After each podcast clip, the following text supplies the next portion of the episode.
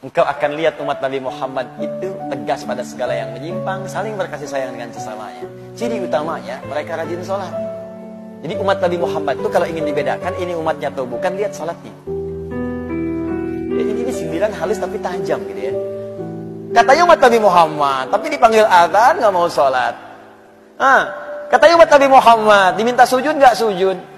Kata Allah sederhana umat Nabi Muhammad itu tarahum rokaan sujadah. Engkau akan lihat dia ruku dan sujud salat. Jadi kalau anda masih mengaku umat Nabi akan kelihatan salatnya.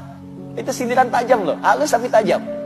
Maaf ya, artinya ketika anda mengaku umat Nabi Muhammad tapi nggak mau sholat, dipertanyakan milik umat.